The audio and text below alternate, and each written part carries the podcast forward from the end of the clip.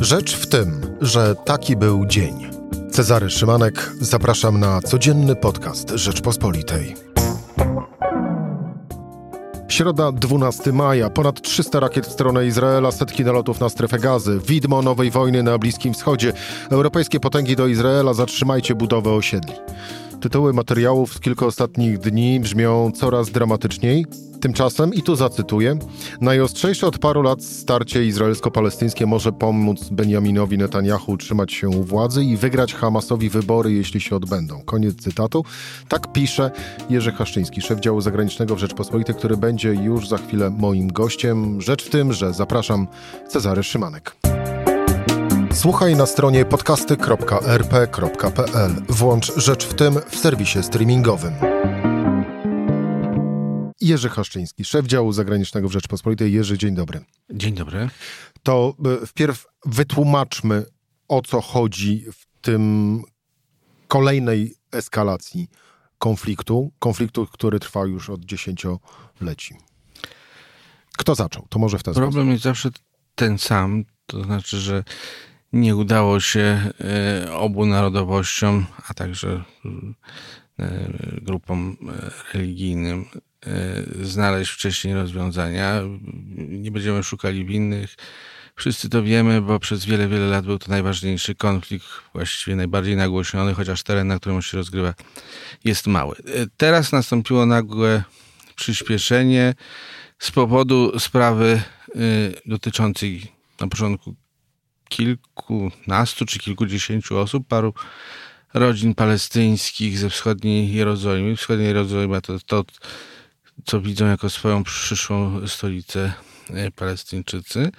Próby wywłaszczenia, próby eksmisji tych rodzin i przekazania tego terenu pod budowę osiedli żydowskich. Czyli tu mamy kluczowe hasła. E, osiedla żydowskie, czyli nowe osady na terenach, które większość świata uznaje za okupowane, czyli zajmowanie kolejnych terenów przez Izrael i pokazywanie, że to już zostało odfajkowane, to jest nasze.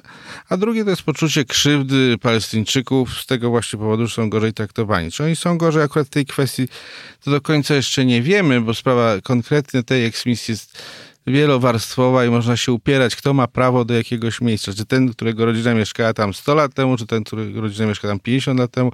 Zawsze jak się kogoś wyrzuca z domu, jest problem. Od tego się zaczęło, potem nastąpiły zamieszki w najbardziej świętym miejscu dla nie tylko dla muzułmanów, ale i dla Żydów i dla chrześcijan, szczególnie, głównie naj, naj, najpoważniejszym e, elementem tego było wtargnięcie policji izraelskiej do Meczetu Al-Aqsa, czyli jednego z trzech najważniejszych, jednej z trzech najważniejszych świątyń muzułmańskich na świecie.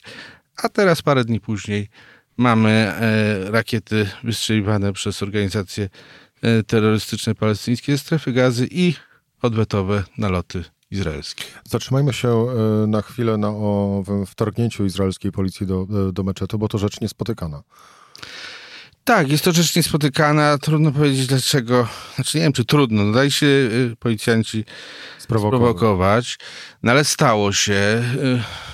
Izrael jest no, zazwyczaj, czy środowiska żydowskie są bardzo wyczulone na punkcie symboli religijnych, a tutaj y, stało się to w szczególnie symbolicznym miejscu i czasie dla, dla wspólnoty muzułmańskiej, nie tylko dla Palestyńczyków, ale dla, w ogóle dla muzułmanów, więc trudno, żeby dziwiło Izraelczyków, aż trudno uwierzyć, Izraelczyków dziwi, że ktoś może być wśród muzułmanów, muzułmanów oburzony, że w czasie ważnego święta, w czasie modłów, w piątek wieczorem, w czasie ostatniego piątku ramadanu wkracza policja i tam używa y, granatów hukowych i, i broni. Niezależnie od tego, że zostaje oczywiście sprowokowani. Część tych ludzi, których prowokowali, to może mają bardzo złą kartotekę, no ale do tego doszło i taki był obraz na, na świecie, w szczególności w świecie muzułmańskim, ale także poprzez media społecznościowe, nie tylko, nazwijmy to w świecie zachodnim. Minęło kilkadziesiąt godzin i w obu kierunkach zaczęły e, latać e, bomby i, po, i pociski. E, no ciśnie się na usta szczególnie oglądając obrazki z wczoraj, czyli z wtorkowego wieczora, te rozbłyskujące nad Tel Awiwem i na lotniskiem Ben Guriona E, rakiety, y, które były y, no, niszczone z kolei przez system obrony przeciwrakietowej y, izraelski. Mm, no to ciśnie na usta jedno podstawowe pytanie. Czy jesteśmy na skraju regularnej, początku regularnej wojny? To tak może eskalować? Czy to po kilku dniach jest szansa, że się skończy? Może eskalować. Y, jakkolwiek widać, że Izrael stara się, żeby było jak najmniej ofiar i żeby były jak najmniejsze zniszczenia. Zdaję sobie sprawę z tego, że mimo, że prawie wszyscy uznają, że ma prawo do obrony i mimo, że prawie wszyscy uznają, że ci, którzy e, strzelają rakietami w kierunku cywilów w Izraelu, to są terroryści albo każde organizacje, które za tym stoją, te wojskowe. E, to, to są organizacje terrorystyczne, to, to w momencie, kiedy na, na zdjęciach, na filmikach pojawią się e, malutkie trumienki i zdjęcia palestyńskich dzieci, to nikt się nie będzie zastanawiał. Okaże się, nie wszyscy będą się zastanawiali nad tym, czy te dzieci to e, dlatego zginęły, bo miały tatusia w Hamasie, i, a potem pytanie, czy jak ktoś ma ojca w Hamasie, to jako dwuletnie dziecko... Jest za niego odpowiedzialny. Za niego odpowiedzialny. I te, te Izrael nie uniknie takich, takich pytań, w związku z tym widać, że robi wszystko, żeby jak najmniej było takich, takich dzieci na zdjęciach, tych, tych malutkich zwłok. Lekcje odrobił z poprzednich z poprzednich wojen, sprzed z 2014 i z przełomu 2008 i 2009, kiedy ofiar cywilnych było stosunkowo dużo, chociaż w porównaniu z innymi wojnami to bardzo mało. To, to teraz trzeba uczciwie powiedzieć, że armia izraelska robi bardzo wiele, żeby tego uniknąć. Stosuje między innymi taką zasadę, że e, puka w dach, czyli oddaje jakiś drobniejszy strzał w kierunku budynku, który potem zostanie zaatakowany poważną rakietą i, i, na dodatek jeszcze służby y, wykonują telefony do mieszkańców. Mają wszystko doskonale spentrowane. Y, I ludzie mają szansę uciec. Nie wszyscy zdążą, nie wszyscy chcą. No ale jak na wojnę, to można powiedzieć, że to bardzo próba przynajmniej humanitarnego podejścia, ale nie uda się nigdy uniknąć ofiar takich, które będą wzbudzały oburzenie świata. Bilans dnia wczorajszego w wyniku ataków zginęło 35 osób po stronie palestyńskiej i 5 po stronie e, izraelskiej. E, spójrzmy jeszcze na e, szersze przyczyny e, tych wydarzeń ostatnich e, dni i wpierw e, zajrzyjmy do wnętrza zarówno Izraela, jak i również Palestyny. Jak duże znaczenie w, w tej eskalacji e, ma polityka, czyli to, że Benjamin Netanyahu próbuje stworzyć kolejny rząd i to, że Palestyna e, jest przed, e, o ile oczywiście będzie, przed organizacją wyborów u siebie. Wszystko to ma znaczenie. Ma też znaczenie to, że się zmieniła administracja amerykańska. A to do spraw zagranicznych za chwilę wrócimy. No to dobrze. To Najpierw wewnętrzne. Zagraniczne z punktu widzenia Polski. Zresztą zagraniczne żartuję. Oczywiście to są dwa szalenie ważne elementy do tego, do tej próby eksmisji tych rodzin palestyńskich ze wschodniej, z osiedla wschodniej Jerozolimie doszło wtedy, kiedy Benjamin Netanyahu uświadomił sobie, że naprawdę może przestać być premierem, że już się zebrała grupa odpowiednia posłów w Knesecie, żeby utworzyć większość i zrobić rząd, w którym on nie ma nic do powiedzenia, wręcz przeciwnie jest w opozycji, w związku z tym może liczyć się z karami e, za związanymi z oskarżeniami korupcyjnymi, które są na razie zawieszone. I w momencie, kiedy pojawia się wielki konflikt, to on może się znowu wykazać jako e, przywódca doświadczony, że jak, nie, jak on był, to wojen nie było, albo szybko sobie z nim radzono. Poza tym e, doprowadził do tego, że, że jego przeciwnicy dotychczasowi e, też w kierunku prawicowym, ale tacy, którzy budowali swoją przyszłość no, jako anty-Netanyahu, nie mogą sobie pozwolić na to, żeby e, tworzyć rządu z poparciem niewielkiej partii arabskiej. E, no bo w momencie takiego konfliktu, jak które są rakiety z gazy, no to nie, trudno, żeby izraelski prawicowiec powiedział, no dobra, to ja tworzę rząd, po to, żeby nie było Netanyahu, to ja biorę muzułmanów, prawda, Arabów, którzy zapewne w momencie, jak widzą te rakiety, to mogą różne rzeczy tam im po głowie chodzić, a na pewno jednoznacznie oceniają wydarzenia na wzgórzu świątynnym w meczecie Al-Aqsa. Na pewno byli to oburzeni. Czyli to mamy jedną stronę, że, że Netanyahu na pewno na tym zyskuje, że, że może się wykazać jako przywódca to, i nikt w tej to... chwili nie mówi, a w tej chwili nie chce mówić, no, że twórzmy w ogóle rząd. Rząd to jest w tej chwili słowa uboczna, trzeba pokonać Hamas. A pokusisz się o tezę, że to, co się teraz dzieje, jeżeli chodzi o czyny strony izraelskiej, było nie tyle co na zlecenie, co było inspirowane przez Benjamina Netanyahu?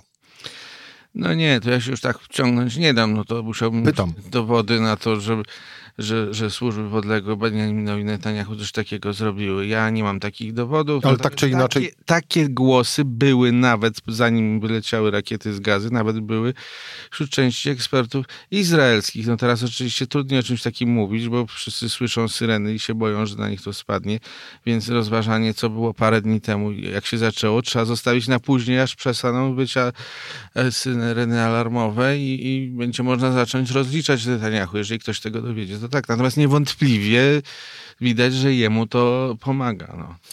To jest kwestia Izraela, teraz kwestia yy, Palestyny i Hamasu. Tak, oczywiście y, Hamasowi też to służy, chociaż paradoksalnie mogłoby się wydawać, że no jeżeli yy, sympatia świata odsuwa się teraz od Palestyńczyków w momencie, jak jest, są ataki rakietowe na, i, i, jakieś tam mm, szkoły są niszczone w Izraelu. W każdym razie na każdego może spać e, rzucona, wystrzelona z gazy rakieta, to prawie wszyscy na świecie, może poza jakimiś skrajnie palestyńskimi e, krajami czy społecznościami, no to prawie wszyscy powiedzą, no to nie chcielibyśmy się znaleźć w takiej sytuacji, więc ta sympatia, która mogła się pojawić po stronie Palestyńczyków, w tym także Hamasu, w związku z tym, co się wydarzyło w meczecie Al-Aqsa i w związku z tymi wywłaszczeniami czy próbami wyrzucenia z domów Palestyńczyków, no to oni tracą to. No, można powiedzieć, że to, to, to, to może oni są jeszcze tutaj tak straszni, że w ogóle jak można myśleć o tym, żeby ci Palestyńczycy przeprowadzili jakieś wybory. To jest z punktu widzenia wizerunku Palestyny to rzeczywiście teraz gorzej, ale dla Hamasu jest to zdecydowanie lepiej, bo on pokazuje się jako główny obrońca, obrońca. Palestyńczyków, czyli ten, jakby mamy tutaj takie starcie Hamas-Netanyahu. Dwa najważniejsi zawodnicy, a wszyscy inni tracą, tracą na znaczeniu. W Palestynie po kilkunastu latach miały się odbyć teraz w maju jeszcze wybory parlamentarne. No jeszcze przed tymi wydarzeniami zostały przeniesione na bliżej nieokreśloną przyszłość, no ale pewnie się odbędą. Przekażę, że kilkanaście godzin temu ja rozmawiałem i wydawało się, że to jest kwestia tego roku. Nie wiem, czy to naprawdę nastąpi, no ale jeżeli by te wybory były, to Hamas zapewne wygrałby nie tylko w strefie gazy, którą rządzi od dawna, ale także na terenach y, zachodniego brzegu Jordanu, czyli tam, gdzie urzęduje teraz Mahmoud Abbas od już no, zasiedziały tam bardzo starszy pan. I na to wszystko patrzy Waszyngton, czyli nowy prezydent Stanów Zjednoczonych Joe Biden. E, gdy tymczasem poprzedni prezydent Donald Trump, można właściwie powiedzieć i tak to skomentować, że pozwalał na wszystko Izraelowi. E, I no i co? Ten czas, miod miesiąc miodowy, czyli cztery lata prezydentury Donalda Trumpa się e, zmieniły. Jak teraz Stany Zjednoczone mogą się zachować, bądź też co mogą zrobić, aby, no właśnie, i aby co? Znaczy możliwa jest tylko ewentualnie korekta, a im więcej rakiet wystrzeliwują Palestyńczycy z gazy, tym gorzej to wygląda, bo coraz więcej jest głosów, no, że to już musimy ten Izrael popierać, może ten Netanyahu to coś tam ma na sumieniu. Może Trump był jego wielkim przyjacielem, to, powinien, powinniśmy postępować i w tej sprawie inaczej niż Trump, no ale no niestety to tego nie można będzie zmienić. Więc jakbyś mnie zapytał to dwa dni temu, to bym powiedział, że ta korekta na pewno nastąpi, bo, bo nacisk y, lewego skrzydła partii demokratycznej na administrację Bidena w tej kwestii był bardzo duży. Y, wtedy, kiedy były wydarzenia pod koniec zeszłego tygodnia, w piątek y, na, na wzgórzu świątynnym, to bardzo ostre były głosy tych trzech takich kongresmenek młodych, demokratycznych, y, której najważniejszą jest Aleksandra Ocasio-Cortez, która ma na Twitterze więcej obserwujących niż ma prezydent Biden i ona tam wyrażała jednoznacznie propalestyńskie stanowisko. A też ona w słowach nie przebiera, więc... Ale ponieważ jest bardzo, no trudno się y, nie liczyć jej, z jej zdaniem. Więc w tamtym momencie można było powiedzieć, że Biden będzie musiał coś zrobić pod hasłem, że policja izraelska zachowuje się nieludzko i że Stany Zjednoczone, to jest teza Ocasio-Cortez, Ocasio-Cortez, że Ameryka powinna wykazać swoje przywództwo także w walce o prawa Palestyńczyków. Kropka. Nie ma tam mowy o tym, że Izrael jest jakimś wielkim sojusznikiem naszym, czy nie. No ale to wszystko było na etapie przed rozpoczęciem ataków rakietowych. Jeszcze Stany Zjednoczone przez chwilę, też jeszcze przed tymi atakami rakietowymi, po raz pierwszy od dawna, e, nie zawetowały jednoznacznie przygotowanego w tajemnicy dokumentu w Radzie Bezpieczeństwa Organizacji Narodów Zjednoczonych, tylko poprosiło przełożenie go na później publikacji. Niewiele o tym wiemy, bo to było tajne, ale ten dokument w początkowej wersji miał być bardzo, bardzo y, antyizraelski w tym sensie, że nawołujący do wstrzymania osadnictwa, wstrzymania tych eksmisji i, i, i, i bezczeszczenia miejsc świętych. W momencie, kiedy rakiety wleciały w powietrze z gazy, to ten, te prace jeszcze trwały i, i nawet ci, którzy tak jednoznacznie chcieli stanowisko antyizraelskie, to zaczęli tam już majstrować przy tym, że, że jednak trzeba wspomnieć o tym, że niedopuszczalne jest i trzeba natychmiast przerwać e, ataki rakietowe. Więc, ale w każdym razie przez chwilę Ameryka pokazała, że nie jest to tak, że jest jakaś sprawa związana z Izraelem, to my natychmiast weto i w ogóle nie zajmujemy się tym, nie można nic zrobić. Wydawało się, że, że następuje jakaś delikatna zmiana. Teraz nie wiem, naciski na Bidena są teraz z drugiej strony że musi zachować politykę Trumpa, bo to jest jednak Izrael jest jedyną demokracją prawdziwą tam na tym Bliskim Wschodzie i są bardzo silne związki osobiste i że nie mogą z tego zrezygnować, mimo że Netanyahu jest jaki jest e, i mimo, że Izrael y, podchodzi do Palestynczyków tak, jak e, do tej pory podchodził. Także nie jestem pewien. Wydawało mi się dwa dni temu, że korekta będzie i to taka strzelista będzie można o niej E, wiele razy wspominać. Teraz już takiej pewności nie mam, ale dynamika jest taka, że za tydzień może być inaczej. Dlatego właśnie nie pytam cię o to, jak to wszystko może się e, skończyć, e, ale przynajmniej wiemy, wiemy o czym mówimy. Jerzy Haszczyński, szef działu zagranicznego Rzeczpospolitej, dziękuję ci bardzo za rozmowę. Dziękuję. To była rzecz w tym w środę. Cezary Szymanek do usłyszenia jutro o tej samej porze.